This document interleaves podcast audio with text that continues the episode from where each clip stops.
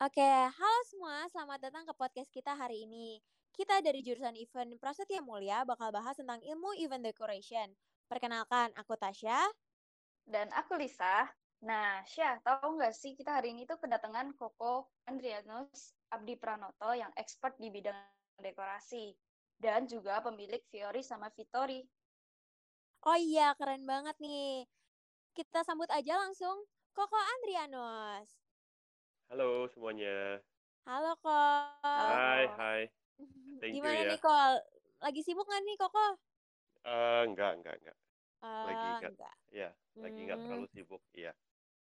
Ah, iya, Kok. Aku mau tanya dong, Kok. Eh, Boleh. pertamanya, eh, Fiori, Koko bisa ketemu Fiori dan Vittori ini gimana sih, Kok? Oke, backgroundnya kami itu kebetulan Koko ini co-founder ya. Jadi Koko bukan sendirian ngejalanin Fiori dan Vittori. Eh, dari dari nol kita memang start bertiga. Ada partner Koko dengan Joshua Aditya sama Cindy Sudartanto. Jadi kita, kita bertiga dari awal eh, start dari scratch banget. Terus habis itu kita awalnya memang handle dekorasi. Kalau sekarang kan kita memang fokus di wedding. Cuman awalnya memang eh, yang dihandle sama Fiori, waktu itu Vittori belum lahir tuh. Jadi Fiori duluan yang lahir. Nah, waktu Fiori lahir itu 2015 bulan Oktober, em, kita handle-nya memang masih dekorasi-dekorasi simple seperti table setting, ya acara-acara juga masih kayak cuma birthday, eh, anniversary, bridal shower, terus baby shower, eh, acara-acara gathering yang kantor gitu juga cuma yang simple-simple aja. Tapi pelan-pelan 2016 kita belajar buat eh, mulai setup backdrop. Tapi backdropnya kan memang masih simple banget. Jadi setelah 2016 barulah 2017 Fiori dikasih kesempatan untuk handle project wedding pertama kali.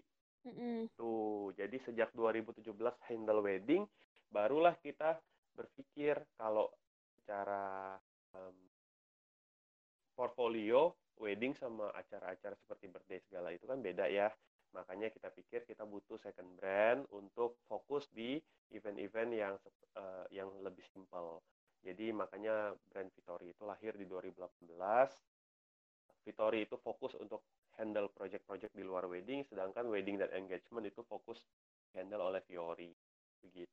Hmm, oke. Berarti udah lama juga ya kok eh, Vito- Fiori ini ada di dunia per-eventan ya. Eh, Iya, betul. Sebenarnya kalau untuk di dunia event kita termasuk salah satu yang eh, newbie sih, masih masuk newbie ya. Tahun ini kan Fiori baru jalan tahun kelima. Udah Jadi lumayan ya mudah-mudahan. kok. Iya. Iya. Ah, udah terkenal juga sih aku tahu banget tentang Fiori ini kayak dari wedding-weddingnya aku suka lihat kan aku suka dekorasi juga kan. Jadi suka ngeliat Oke. ini oke gitu kok. Makanya aku eh, apa kontak Koko gitu. Wah, thank you. Hmm, iya kok dekorasi sendiri menurut Koko itu seperti apa sih? Ya, dekorasi itu memang salah satu dari ya ini kan kita ngomongin event ya. Event itu kan komponennya banyak.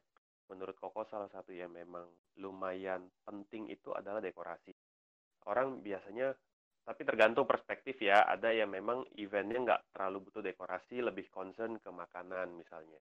Mm-mm. Ya lebih diperhatiin. Tapi kalau untuk acara-acara eh ya untuk acara-acara tertentu dekorasi itu krusial banget karena itu memang untuk mengangkat ambience dari acaranya. Jadi udah pasti biasanya nggak pernah kelewat tuh dekorasi. Em, kita ngomong dari acara yang kecil aja, yang te- cuma dinner aja ya. Itu kalau ada dekorasi itu feel-nya pasti beda banget. Misalnya kita setup table setting, terus ada backdrop simple, ada apa. Itu ambience-nya akan kerasa beda sekali sama kalau kita plain, cuman makan aja. Mm-mm. Jadi itu memang eh, kalau kita ngomong eh, dekorasi, menurut Koko sih itu ya. Makanya kenapa kita juga berusaha se personal touch mungkin gitu karena kita ngerti dekorasi itu adalah eh, komponen yang yang penting. Jadi kalau nggak kita sesuaikan sama kebutuhan klien itu pasti nanti jadinya juga kurang kurang greget gitu istilahnya. Gitu. Oke kok, em, menurut Koko uh, kayak yang paling penting dan harus ada dalam sebuah dekorasi itu apa kok? Oke, tergantung acaranya ya. Ya, tapi kalau kita ngomong secara garis besar karena sekarang Fiori memang fokus untuk di wedding. Mm -hmm. Jadi kalau untuk di wedding sendiri kita yang pasti udah harus ada tuh pelaminan. Mm -hmm. Dari skala wedding kecil sampai besar pelaminan tuh menurut kita sih mutlak ya. Karena kalau nggak ada pelaminan nggak ada center of stage-nya. Jadi uh, kalau yang lain-lain mungkin tergantung skala wedding. Kalau skala weddingnya besar mungkin uh, butuh lebih banyak pernak-pernik dekorasinya ya, misalnya mm -hmm. uh, untuk entrance, untuk aisle, untuk jalan itu biasa ada gazebo, empat kaki, kayak gitu-gitulah. Jadi ada pohon juga di beberapa titik kalau memang diperlukan. Nah, tergantung dari skala weddingnya tadi. Tapi kalau wedding intimate yang simple, hmm. selain pelaminan biasanya mereka cuman konsentrasi ke welcoming uh, area welcoming tamu. Jadi uh, banyak komponen yang uh, dirasa nggak perlu karena intimate wedding itu kan tamu nggak terlalu banyak, tempat nggak terlalu besar. Nah, iya. makanya yeah. yang dijadiin konsentrasi adalah biasanya bagian pelaminan aja dan bagian entrance. Entrance itu bagian penerima tamu. Biasanya di situ kita masih bisa explore dengan welcome board, dengan photo corner. Jadi um, itemnya itemnya dibikin secukupnya gitu.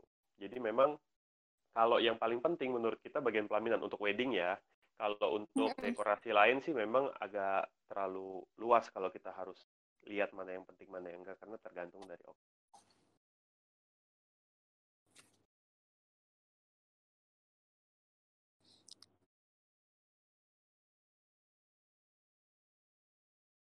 Oke. Nah, eh, Oke. Lisa, oke Lisa aja ya, Lis. Ah. Nah, tadi kan Koko bilang kayak uh, penting kayak yang dalam dekorasinya itu ada tahapan tahapannya kan kok. Nah, gimana cara mm-hmm. uh, tahapan penyusun yang ada di dekornya Koko yang Fiori sama Vittori itu? Tahapan uh, penyusunnya itu kayak gimana? Sorry, ya. Kita boleh diulang sedikit nggak? Oke, okay, oke. Okay. Uh, gimana tahapan penyusunan dekorasi dalam uh, dekorasinya Koko yang Fiori sama Vittori itu? Oke, jadi um, ini mungkin ngomonginnya lebih ke flow dari segi untuk klien ini ya. Iya, iya benar kok. Benar ya. Mm -mm. Jadi kalau waktu klien kontak, mungkin aku ngomongnya lebih ke yang wedding ya. Mm -mm. Uh, kalau klien kontak itu biasanya mereka udah udah tahu mereka mau dekor di mana. Itu itu yang paling penting. Karena dekorasi itu kan prinsipnya kita dua. Yang satu prinsipnya kita mau ngeblend sama tempatnya. Yang kedua kita mau sulap total. Kita rom kita kita kita sulap gitu ya. Jadi uh, mau di mana pun ini kita kita sulap jadi uh, ambience yang kita yang yang benar-benar kita kita mau gitu. Nah kalau kalau tempatnya ini uh, belum belum keta, belum bisa ditentukan biasanya dekorasi juga kita agak kesulitan untuk menentuin kebutuhannya sampai sejauh mana tapi kalau misalkan tempatnya sudah di sudah ketemu nih venue-nya, biasanya kita akan lebih gampang nentuin kebutuhannya. Nah, setelah temu, tempatnya biasanya tema. Hmm. Nah, kalau tema ini memang eh, kalau dekorasi biasanya sejak awal itu calon calon klien kita udah ngelihat portfolio kan. Jadi biasanya taste-nya nggak akan jauh dari yang memang biasa kita kerjain itu hmm. nggak terlalu banyak kesulitan sih biasanya. Cuma memang ada variasi-variasi. Um, tema besarnya memang kalau kami ini simple, modern, minimalis, elegan.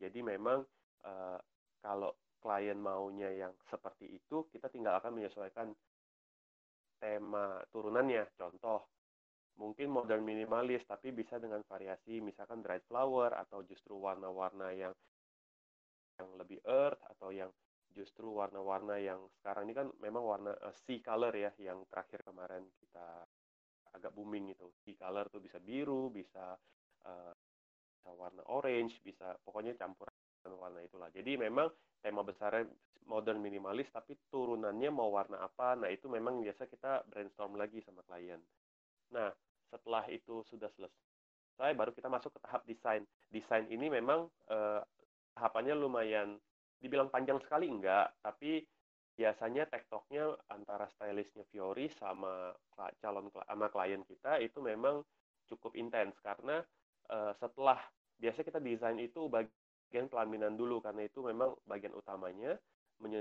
setelah uh, bagian pelaminannya approve, baru kita bikin turunannya menyesuaikan turunan dari desain yang di bagian pelaminan. Jadi memang uh, itu prosesnya setelah itu itu kita kita lagi bikin mood board uh, pos, uh, proses proses bikin mood board ya. Setelah mood boardnya selesai approve, barulah mood board itu kita uh, istilah kita pretelin detail-detailnya, baru turun ke bagian produksi. Tuh. Nah setelah itu hari, uh, mendekati mendekati hari hari H kan wedding day kan kita ada technical meeting. Iya. Biasanya yeah. Saat technical meeting semua kita confirm ulang. Uh, memang desain saat technical meeting udah nggak bisa berubah lagi. Itu sudah itu sudah prinsip karena sebelumnya kan sudah approved ya. Jadi yeah. Iya. uh, kita hanya confirm reconfirm untuk detail-detailnya, untuk nama, untuk uh, misalnya ada ada detail-detail seperti ada hashtag nggak karena kita perlu uh, apa namanya produksi semua kan perlu dibikin perlu apa jadi itu yang detail-detail itu biasanya kita kasih saat meeting nah setelah uh, setelah technical meeting barulah kita ke wedding day biasanya hari loading loading loading in kita masuk setup semua nah itu kita biasanya udah nentuin jam untuk clear up jadi biasanya kita minta uh, saat technical meeting akan dikoordinasikan dengan wedding organizer untuk rundownnya kapan kita harus ready, kapan kita udah nggak boleh, udah harus finishing, udah selesai semua. Jadi itu biasanya kita berpatokan sama rundown. Nah setelah itu selesai ya sudah nanti um, kita serah terima sama wedding organizer dan kalau bisa ketemu pengajar kita juga ketemu untuk kasih lihat semuanya ini sesuai board. Jadi uh, sebisa mungkin uh, dekor yang kita kerjakan itu berdasarkan desain yang kita sudah sepakati. Jadi itu prinsip. Jadi uh, kalau memang kalau biasanya kita juga saat serah terima kan kita bawa mood boardnya kita kasih lihat ini ya bagian ini bagian ini bagian semua item sudah sudah direalisasikan mm -hmm. kita serah terima acara berlangsung habis itu selesai baru kita loading out kita bongkar lagi oke okay. gitu Iya. Mm -hmm. Kok tadi kan aku mm. uh, dengar ada yang mood board. Iya. Nah, yeah. mood board itu kan dijadiin ke desainnya itu kan. Betul. Desainnya itu udah bentuk layout bukan sih kok? Uh, desain kita sih masih 2D ya. Hmm. Desain kita masih 2D. Jadi kita kalau untuk layout biasanya kita nggak bikin perspektif yang sampai 3D gitu sih kita belum bikin sampai ke sana. Okay. Karena memang uh, dari scope weddingnya Fiori kita kan kebanyakan handle intimate wedding ya. Yeah. Intimate wedding itu biasanya nggak terlalu, uh, maksudnya dengan dengan layout sederhana kita udah cukup sekali karena itemnya nggak terlalu banyak. Jadi untuk untuk yang uh, layout yang untuk yang sampai 3D itu biasanya memang kalau weddingnya itu size-nya ya memang yang big scale. Jadi yang pakai ballroomnya besar dan mungkin kayak di hotel kan ada beberapa ballroom itu biasanya di kalau kalau weddingnya besar tuh perlu di dibuka semua ballroom jadi pakai grand ballroom. Nah kalau udah pakai grand ballroom kita memang perlu lebih detail untuk kasih lihat uh, dari segi lebar, dari segi apa karena kan itu sangat mempengaruhi dari uh, apa namanya layout yang lain juga seperti layout catering dan lain-lain. Jadi memang um, jadi memang kalau kita sekarang ini masih pakai layout yang lebih simple sih. Yang penting semua tahu posisinya pelaminan di mana, terus posisi uh, entrance-nya di mana kayak gitu. Lebih lebih ke Oke, oke um, kok dari dari pertama kali menyiapkan yang ketemu klien nentuin mm -hmm. tempat sampai akhirnya loading out itu biasanya berapa lama sih kok prosesnya? Oh bervariasi kalau kita sih um, tergantung dari klien appoint kita uh, assign Fiori itu berapa lama sebelum wedding day mereka. Tapi biasanya dekorasi itu termasuk salah satu vendor yang di awal-awal udah langsung di uh, di booking. Yeah. Karena dekorasi kan uh, ini ya apa namanya pekerjaannya besar dan hmm. biayanya juga cenderung uh, salah satu yang biayanya lumayan besar juga kalau di breakdown dari segi cost wedding. Jadi hmm. uh, biasanya di awal udah dicari-cari dulu tuh uh, nentuin yang pas dengan budget yang sesuai. Nah habis itu biasanya baru nentuin yang uh, lebih kecil siapa yang lain gitu. Nah sedangkan kalau misalkan untuk di awal kita biasanya makanya kalau confirm dekorasi itu kita biasanya mintanya setelah venue-nya konfirmasi. Karena kalau enggak kita nggak bisa buat perhitungannya. Jadi kalau ditanya berapa lama tergantung banget. Ada orang yang prepare wedding 6 bulan sebelum, ada hmm. orang yang prepare wedding satu tahun sebelum.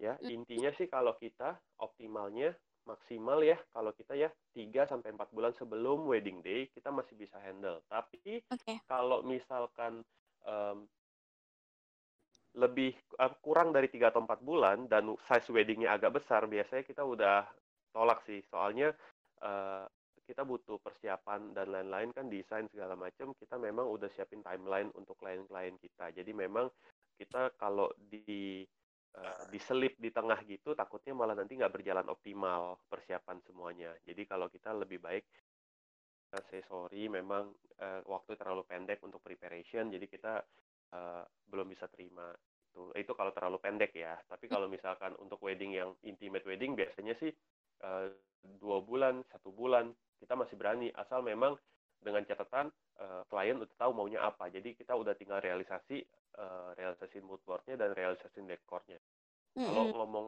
timeline sih gitu. Kalau mood board itu sendiri dalam kayak wedding hmm. gitu kok ada ada emang banyak orang tuh pinginnya yang kayak apa sih kok biasanya yang lagi tren banget sekarang oh oke okay. kalau ngomongin style design ya sebenarnya uh, sekarang orang masih uh, ke modern minimalis sih tapi balik lagi uh, modern minimalis itu sendiri kan sebenarnya gak tema besar ya. Uh-uh. Um, kebetulan kalau ngomongin secara teknis kebetulan memang dari Koko bertiga uh, partneran memang Koko yang handle bagian produksi. Jadi uh kalau ngomong soal mood board itu ada partner Koko lagi satu yang ini Cindy, memang head of design-nya juga Cindy. Uh, uh, jadi biasanya Cindy yang akan uh, akan handle tuh uh, pembicaraan topik soal konsep. Tapi kalau secara garis besar Koko bisa jelasin. Kalau Fiori sendiri kan kami ciri khasnya kami itu dekorasi yang nggak pakai styrofoam. Iya. Yeah. Jadi material kami memang pakainya board multiplex ya. Jadi yeah. Iya. uh, secara look memang ini ini ini sebenarnya kebawa sih konsepnya. Kami kan dari awal dekorasi itu memang handle acara-acara yang boleh dibilang uh, acara-acara yang nggak terlalu besar, simple, terus uh, butuh personal touch, butuh detail. Jadi akhirnya waktu kami tur turun ke wedding, uh, wedding industry, ke bawah feel-nya. Jadi apa pun yang kita kerjain, kita pengennya tuh detailnya bagus. Kita pengen uh, personal touch-nya bener-bener bener-bener kita bisa kita bisa kita bisa kita bisa personalize semaksimal mungkin lah intinya. Jadi uh, itu kenapa alasan kita nggak pakai styrofoam karena kalau styrofoam itu sebenarnya dari segi look kalau kita lihat itu agak iya, tekstur iya, dan lain-lainnya ya. ya agak kurang mm -hmm. ya jadi memang uh, kami mencoba seminimal mungkin menggunakan itu ya styrofoam material styrofoam. Kecuali memang ada yang terpaksa banget nggak bisa. Kalau nggak ya mungkin mau nggak mau ya namanya material kan kita punya keterbatasan. Tapi uh, sebisa mungkin yang kita bisa create kita bisa custom dari uh, multiplex kita akan tetap pakai multiplex. Nah, multiplex itu kan ketika kita pakai kita uh, kita rakit dan kita uh, apa namanya finishing itu kan hasilnya seperti kita bikin seperti partisi tembok. Jadi yeah. memang kerjaannya Fiori itu dekorasinya tapi mirip kayak kontraktor kalau Koko boleh Koko boleh bilang. Jadi emang kerjaannya tuh lumayan kayak tukang-tukang bangunan gitu ya. Iya. Mirip-mirip gitu. Jadi jadi Nah, cuman memang goals kita itu karena kita memang mau finishingnya yang serapi. Jadi emang uh, kita pakai materialnya itu ya lumayan effortnya lumayan lebih gede lah. Nah, mungkin dari situ itu um, ngasih apa ya ngasih feel yang berbeda dari dari pengalaman kita yang udah-udah ya klien uh, biasanya kan kita kita ini kan lumayan sering dapat referensi atau uh, repeat order dari teman entah saudara dari klien yang udah existing gitu jadi yeah. Iya. uh, kebanyakan mereka feedback kita ke sana sih lebih ke iya soalnya nggak pakai styrofoam jadi looksnya lebih lebih wah iya nah, benar. Itu memang secara nggak langsung kebentuk dari sana. Mm-hmm. akhirnya kami memang putusin kami materialnya memang fix. Itu terus habis itu itu nggak bentuk. Jadi model minimalisnya tuh bener-bener yang seamless gitu loh yang clean gitu. Jadi mm-hmm. orang orang orang langsung kalau ngeliat Fiori itu langsung oh iya udah udah langsung ada benang merahnya yang mereka bisa. Tanpa Koko perlu jelasin uh, detail seperti yang Koko jelasin barusan ya tapi memang feelnya itu udah udah udah sebisa udah mungkin. tahu lah ya udah tahu jadi ketika iya. nentuin mood board biasanya udah nggak terlalu sulit lagi mm-hmm. gitu kok aku mau tanya dong misalnya kalau nggak di hmm. wedding nih kan Fiori juga megang brand activation kan ya kok iya betul dan kayak uh, mungkin kan mereka lebih yang kayak beda gitu kan kayak maunya ini maunya itu iya betul betul itu lebih variatif lagi jadi memang uh. kalau kita handle brand uh, itu juga ya you know lah brand itu kan lumayan lumayan ini ya maksudnya uh, lumayan dinamis gitu mm-hmm. kebutuhannya terus timeline kerjanya banyak yang ketika masuk inquiry ke kita tuh timelinenya pendek banget gitu jadi memang kalau kita handle brand uh, beda sama handle wedding gitu uh, mm. konsep konsep kerjanya dan handle brand itu lebih banyak custom lagi jadi yeah. Iya. uh, banyak banget kebutuhan kebutuhan kebutuhan yang sebelumnya kita memang kalau wedding kan propertinya kan mirip-mirip ya kita yeah. pakai kita kri, uh, kita produksi satu uh, satu panel atau apa bisa dipakai berkali-kali gitu ya itu bisa kita pakai lagi betul uh -uh. dengan variasi-variasi yang berbeda tapi kalau untuk brand biasanya sangat ini banget uh, sangat apa khas banget gitu misalnya ada satu bentuk panel meja yang ada huruf logo dari si brand itu sendiri atau apa misalnya. Jadi eh, kadang-kadang temanya tuh bener-bener random ya kalau kita bilang random banget gitu. Jadi beda banget memang pendekatan untuk untuk untuk project handle project. Oke. Okay. Lisa mau uh, tanya Lisa? Iya, iya ya. Kok aku pengen nanya nih kayak mm -mm. Uh, kan tadi bahas-bahas soal klien. Nah, yeah. pernah nggak sih kayak Koko dapat klien yang minta dekornya itu istilahnya banyak mau si kliennya. Terus kayak uh, gimana kok netapin uh, netap kayak gimana kok netapinnya biar dia nggak banyak mau gitu. Kan oke.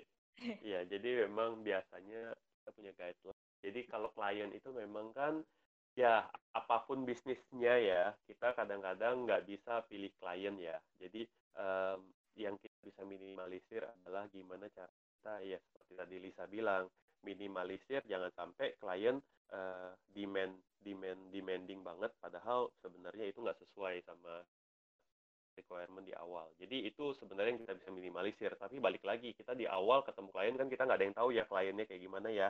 Ada yang kita dari kenal, ada yang dari kita memang udah benar uh, benar-benar klien klien dari sosial media atau apa. Jadi kita benar-benar sebelumnya nggak punya nggak kenal sifatnya gitu. Nah, untuk minimalisir, kita memang harus dari awal ngobrol benar. Makanya tadi kenapa kita sebelum kita nentuin venue, kita nggak nggak berani si price list karena kebutuhannya kan belum jelas ya. Nanti kalau kita kasih price list dan tempatnya jauh lebih besar, kebutuhan jauh lebih banyak kan kita yang uh, susah nanti. Udah udah udah kadung deal tapi tempatnya tapi tempatnya ternyata butuh dekor yang lebih besar gitu. Itu kan malah nanti miskom ya. Nah, uh, itu cara kita minimalisir pertama yaitu tempatnya harus tahu, temanya harus tahu. Jadi kadang-kadang tema itu juga pengaruh dari segi perhitungan. Contoh, aku contoh yang paling gampang adalah soal pampas grass. Jadi, uh, um, Iya, kalau kalian tahu pampas grass itu kan itu seperti alang-alang tapi itu fully imported. Jadi uh, satu satu satu stem itu itu harganya range-nya paling murah 95.000 tapi biasanya sekarang udah jarang ya dolar kan lagi kurang ini. Tapi uh, range-nya terakhir aku cek kalau nggak salah 125-an mm-hmm. jadi satu batang tuh 125.000 sedangkan kalau mau minta satu panel backdrop itu full dengan pampas grass itu berarti bisa dihitung kan kebutuhannya berapa. Nah kalau memang dari awal ada konsep-konsep seperti itu itu biasanya uh, baik dikomunikasiin di awal supaya kita memang bisa perhitungkan kebutuhan jadi kebutuhan.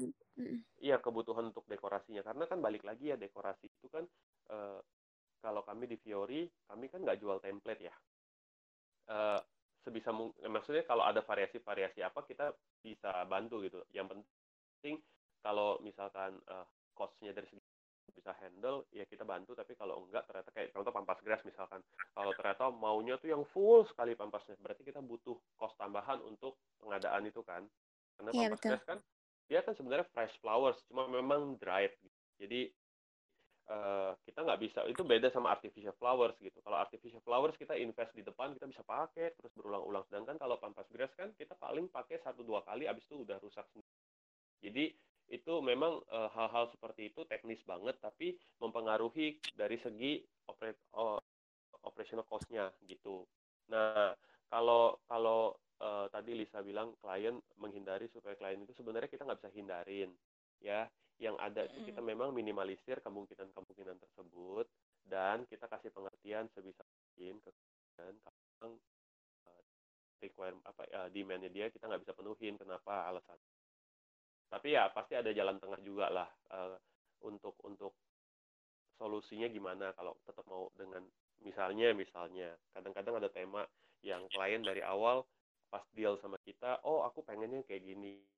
Ntar udah enam bulan sebelum pas kita perlu perlu bahas soal dekorasinya ya mereka punya tema baru yang ternyata costnya jauh berbeda gitu. Jadi hal-hal kayak gitu yang kadang-kadang um, Fiori suka suka ketemu ya cuman suka ngalamin. Tapi uh, kebanyakan puji Tuhannya klien Fiori itu bu bukan yang uh, bukan yang tanda kutip rese ya. Jadi uh, kalau kalau di awal kita udah ngobrol uh, terus habis itu memang di ngobrol pas lagi ngobrol kelanjutannya terus ada ada apa yang istilahnya nggak match kita ngomongin itu biasanya kita masih tetap aman-aman aja sih solusi tengahnya kayak gimana kayak gitu-gitu tuh kita masih bisa atur semua lah gitu. Jadi memang uh, kalau ditanya tipsnya gimana caranya supaya kita menghindarin klien-klien rese itu nggak bisa dihindarin tapi yang bisa kita minimalisir resiko. Hmm, oke. Okay. Kalau mungkin kita lanjut aja ke inti dari yang kita ngomongin itu yang masalah Boleh. kali ya. Um, kita mulai dari awal aja nih kok. Kalau misalnya dari pre-event nih, setelah jadi mood board, setelah jadi layout, mm -mm. Uh, itu apa sih yang kok lakuin untuk persiapan weddingnya itu kan harus ada yang disiapin tuh untuk Betul. weddingnya. Weddingnya tuh apa sih yang kok siapin gitu? Uh, kita pertama memang kita bagi dari dekorasi panel yang heavy sama barang-barang ornamen yang fragile ya.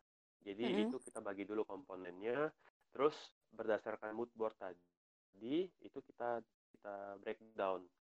Mm -hmm. contoh dari segi ukuran panel, panel itu kita mau pakai ukurannya berapa dropnya, terus uh, berapa layer. Jadi kita tahu berapa kebutuhan panel kita. Mm -hmm. Itu dari kebutuhan panel kita tahu kita mesti uh, kan untuk finishing kita kan butuh cat, butuh ini itu. Nah, itu kita butuh uh, apa namanya? Uh, siapin berapa misalnya berapa banyak ini itu. Plus kita breakdown sampai kebutuhan manpowernya. Jadi untuk menghandle uh, break drop ukuran 5 kali 3 meter dan 8 kali 3 meter udah pasti manpower yang handle drop tersebut udah pasti jumlahnya berbeda. Jadi hmm. hal-hal hmm. itu nanti pengaruh banget uh, ke lapangan. Kemudian untuk yang lain ornamen dan lain-lain itu kan perlu dicek semua kondisi fisiknya apakah ada cat, ada yang apa, yang itulah. Untuk kain kita perlu cek uh, yang yang kotor atau gimana yang perlu di laundry -hmm. atau jadi itu breakdown dari setelah mood board, tapi biasanya itu kita lakukan satu bulan sebelum. Jadi biasanya setelah technical meeting, yeah. uh, setelah technical meeting itu kan kita udah confirm semua, baru habis itu kita jalan produksi. Itu. Yeah. Jadi uh, biasanya dalam rentang waktu satu bulan sebelum dari event kita udah mulai tuh, udah mulai uh, breakdown itu udah turun dan ke tim produksi dan itu udah mulai berjalan semua timelinenya. Oke, okay. kok manpower yang digunain untuk misalnya kayak cara nentuin itu biasanya kok pakainya berapa sih kok manpower buat se kalau satu wedding gitu? berapanya itu? itu relatif ya kalau kalau koko itu untuk uh, kebetulan kita kan memang tim in house semua ya tim dekorasi kita kan in house jadi uh, kita udah tahu plotting nih si A si B si C memang handle-nya bagian apa? Si C si D si E memang bagian handle-nya bagian apa? Jadi itu itu kita udah kita udah tahu pembagiannya. Kalau untuk di kita di Fiori itu total untuk handle backdrop sebetulnya um, untuk backdropnya sendiri ya range kita itu antara 4 sampai enam orang. Tergantung dari ukuran backdrop sama tergantung dari venue. Itu, itu kalian perlu uh, kita perlu cek lagi. Karena venue itu ada yang uh, sangat challenging loadingnya. Challenging tuh benar-benar misalkan jalannya jauh gitu. Jadi manpower kita kan perlu perlu ini ya perlu spare tambahan orang supaya nggak mereka nggak tenaganya nggak terlalu habis itu loading. Hmm. jadi itu kadang-kadang jadi pertimbangan kita sih. Kalau untuk backdrop untuk backdropnya sendiri biasanya kita ukur dari besaran dan dari uh, variasi variasi backdropnya. Jadi kalau misalkan orang backdrop itu biasanya tergantung banget sama sama desainnya. Oke. Okay. Oke okay, kok berarti hmm. kalau Koko itu berarti buat backdropnya itu nggak di tempat acaranya kan ya kok? Berarti buatnya itu di mana kok? Kita buat semua di workshop untuk untuk komponen-komponennya, tapi rakit tetap harus di venue. Karena kan oh. kalau ukuran tingginya sekian meter kan kita nggak bisa bawa utuh ya. Biasanya kan lift atau apa kan tingginya ada maksimal. Kita biasanya tetap akan di akan dirakit uh, ini lagi di venue lagi. Oke, okay. berarti setelah semua barangnya yang tadi udah disiapin untuk pre-event tersebut, buat masuk ke eventnya, Koko bawa menggunakan apa? Jadi bisa diinstal di eventnya tuh gimana kok? Kita sih kalau sekarang kebanyakan kita udah pakainya truk ya. Jadi hmm. uh, mobil pickup biasanya kita buat supporting aja untuk uh, barang-barang besar, tapi biasanya main main um, on back segala macam itu biasa kita udah handle pakai truk. Nah, hmm. uh, karena ukuran panelnya kan biasanya udah kita maksimalin tuh. Kita biasanya uh, lihat liftnya ini besar atau enggak, jalan menuju ke area ballroom atau area venue-nya itu sempit atau enggak. Jadi kita udah cek tuh intinya. Uh, kalau udah begitu sih, biasanya sih kita pakai truk. Nah dari truk kita turun, uh, masukin lift, terus habis itu udah baru kayak ke venue-nya gitu kok kalau backdropnya gede banget gitu emang bisa lewat lift kok misalnya kayak kan, gedung makanya kita pecah uh, kita pecah panel ya jadi ya kita sesuaiin sama jangan sampai jangan sampai kita udah udah udah bikin ukurannya ternyata nggak masuk lift itu kan bakal iya. PR banget kan mm -hmm. iya itu itu udah pas itu udah harus kita survei dan uh, itu saat technical meeting biasanya kita kon konfirmasi kita lihat kita survei terus itu oh ya baru kita Koko biasanya loading in itu berapa hari sebelum event kok? Biasanya loading in itu di malam sebelum acara. Oh. Gitu. Tapi tergantung juga Tasya. Kadang-kadang ada juga yang hotel atau restorannya ngizinin kita masuk itu uh, beberapa hotel ada yang weddingnya itu dua sesi, wedding siang, wedding malam. Uh -uh. Kalau wedding siang lagi running, kita kan belum bisa setup untuk malam punya. Jadi iya, uh, siang selesai, baru kita tuh uh, kerja buat yang wedding malam. Jadi memang tergantung dari venue ya pertanyaan itu ya. Tapi rata-rata sih kalau untuk wedding yang kita handle itu adanya di uh, loadingnya di malam sebelum acara. Hmm. Proses pembentukan dari loading in untuk jadi sebuah panel dan dekorasi yang lengkap itu butuh berapa waktu sih kok? Okay. Berapa lama gitu? Rata-rata jam kerja kita dekorasi itu di 14 sampai 18 jam. Tergantung hmm. dari rundown ya. Tapi karena Fiori handle intimate wedding, kami kadang-kadang justru jam kerjanya lebih pendek. Karena biasanya pagi itu udah di uh, area dekorasi uh, yang kita dekor itu biasanya udah dipakai buat holy matrimony dulu. Ya kan? Jadi kalau pemberkatan atau akad nikah itu kan biasa dilakukannya pagi atau siang. Nah sedangkan kalau resepsi acaranya biasanya dinner. Jadi jadi kalau kita dekorasinya cuman untuk acara resepsi ya kita punya waktu kan sampai sore untuk clear up jadi waktu kerja lebih panjang. Sedangkan kalau kita pagi jam 10 udah mulai pemberkatan, berarti waktu kerja kita itu dari jam 12 malam cuma sampai paling jam 8 pagi. Mm-hmm. Ya, karena kita udah harus clear up semua untuk ke, uh, eh, acara pemberkatannya. Jadi uh, waktu kerja lebih pendek. Jadi memang itu variatif banget tergantung dari rundown dan itu biasanya kita ukur waktu technical meeting. Gitu. Eh kok kalau kalau gitu kan tadi ada yang sesi yang siang dan malam. Misalnya kok kok dapet yang malam Betul. itu gitu Wah, pendek. itu pendek banget karena lari-lari deh itu ya. Waduh, itu kayak Roro Jonggrang itu. Itu itu bener-bener anak-anak kita harus double up. Jadi jumlah orangnya cukup dan uh -uh. biasanya udah kita sesuaikan panel-panel uh, kita istilahnya minimal minimalisir adanya finishing karena finishing itu lama ya kalau kita ya. Jadi mm -hmm. uh, sebisa mungkin panel yang kita bawa tuh yang simple yang tinggal setup, tinggal rakit udah gitu. Nah, uh, itu itu juga itu juga biasanya agak uh, mungkin agak tricky untuk kita jelasin ke klien karena itu kan teknis banget ya. Iya. Uh, sedangkan kita sendiri di awal, apalagi tempat yang kita udah pernah handle itu uh, kita tahu nih challenge-nya di sini nih. Nah ternyata pas klien ini deal kita juga namanya klien kan waktu deal sama kita masih jauh mendekati hari dia ini baru kita ketahuan nih oh ternyata eh, rundownnya dia itu cuma sesi malam aja wah siangnya kita udah deg-degan nih biasanya nih kita bisa dekor dari malam sebelumnya kah atau justru abis sesi siang selesai baru kita bisa dekor wah itu tuh biasa iya. di situ tuh stresnya tuh. jadi Nah, kalau ternyata misalkan sesinya siang keisi sama klien lain, sama pengantin hmm. lain, berarti kan kita baru dekor kan abis sesi siang selesai. Nah, hmm. kalau ternyata itu yang terjadi, kita harus benar-benar revisi uh, pola dari kerjanya produksi itu kita harus jelasin ke klien. Jelasinnya memang lebih ke arah kita kan maunya semuanya perfect.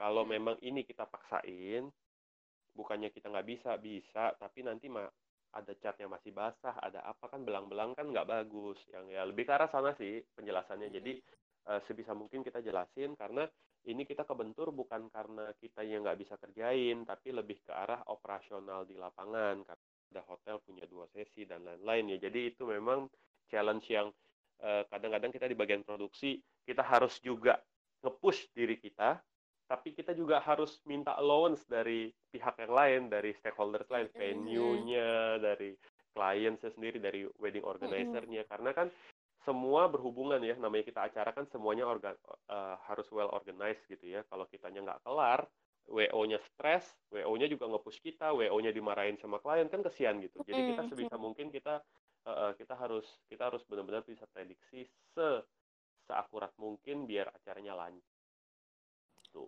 Oke. Kok kalau untuk internet kita terputus. Tut tut tut. Lanjut.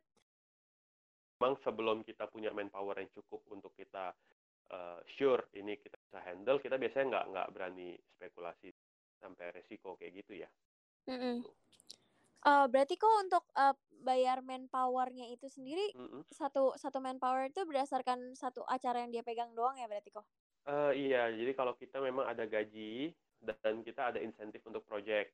Karena hmm. memang kalau kita kan in-house itu kan setiap hari juga pekerjaan di kantor tetap running. Tetap di workshop itu tetap ada pekerjaan, persiapan, apa preparationnya segala macam kan tetap di harian itu kan tetap apa weekly kan tetap jalan. Nah, week uh, sorry week weekend apa weekday. Jadi weekendnya baru project. Nah jadi mereka memang komponen perhitungan untuk tenaganya sih uh, dari segi bulanan sama insentif untuk proyek. Hmm. Hmm. berarti kalau dari Fiori sendiri itu pekerja tetapnya tuh udah ada berapa sih kok kalau kita untuk pekerja tetap total ada 18 orang. 18 orang. power. Iya. Hmm. power total 18 orang. Um, itu sih memang campur ya ada yang handle untuk bunga, ada yang handle untuk backdrop, ada yang handle untuk untuk supporting gitu. Ada ada Oke. Okay. Terus aku mau tanya nih kok untuk kayak Iya. Yeah. Uh, berarti kalau key timingsnya buat sebuah uh, dekorasi itu apa sih kok kayak uh, timeline-nya berarti? Sorry, uh, gimana Tasya? Timeline-nya untuk sebuah dekorasi itu berarti yang harus banget ada itu mulai dari pre-event itu penentuan ini ya kok. Penentuan uh, te aku aku review aja sih kok ini kayak Oh, boleh boleh, iya. Uh, berarti uh, kita harus nemuin uh, tempatnya dulu, terus Betul. tema. Terus Betul. habis itu habis itu kita masuk habis ke desain desain. Abis yeah. desain kita uh, ke ke pro, baru mulai ke production ya Production. Betul, hmm. betul. Oke. Okay. Ya. Baru berarti abis itu baru ke execution ya kok berarti? Kayak betul. hari haya. Yes. Oke. Okay. Um, aku mau tanyanya mungkin sekarang lebih ke ini aja deh kok. Lebih ke hmm. kok ada nggak sih pengalaman di Fiori uh, hmm. apa ya? Dekorasi yang aneh gitu kok. Dekorasi oh. yang kayak spesial banget yang kok nggak bakal lupain gitu kok uh, spesial banget tapi aneh. Mungkin lebih ke berkesan kali maksud oh ya uh, boleh boleh. nah jadi ada satu project itu uh, di puncak di pine forest hutan pinus. Dan terputus lagi. Tutut tutut ternyata acaranya lancar dan kedua dari memang uh, dari apa namanya kepuasan kliennya sendiri sih bikin kita jadi banget. Oke. Okay. Itu, itu, itu, itu koko berkesan banget sih. Oke. Okay. Uh, kok mungkin udah hmm. kali ya kok segitu aja podcast Boleh. ini. Mau jadi bintang tamu kita hari ini. Sorry banget kok pertanyaan kita banyak. Oh enggak, tenang aja. Thank you juga ya udah di-invite. Semoga uh, bisa memberikan insight buat kalian yang lagi mulai uh, belajar mau buat ke event ya. Oke, okay. thank you banget kok berguna banget kok podcastnya hari thank ini. Thank you banget. Sama-sama, sama-sama. Oh di podcast nanti aku share linknya. Oke, oke. Okay. Thank you ya. Thank you. Ya, thank you banget kok. Iya, thank you.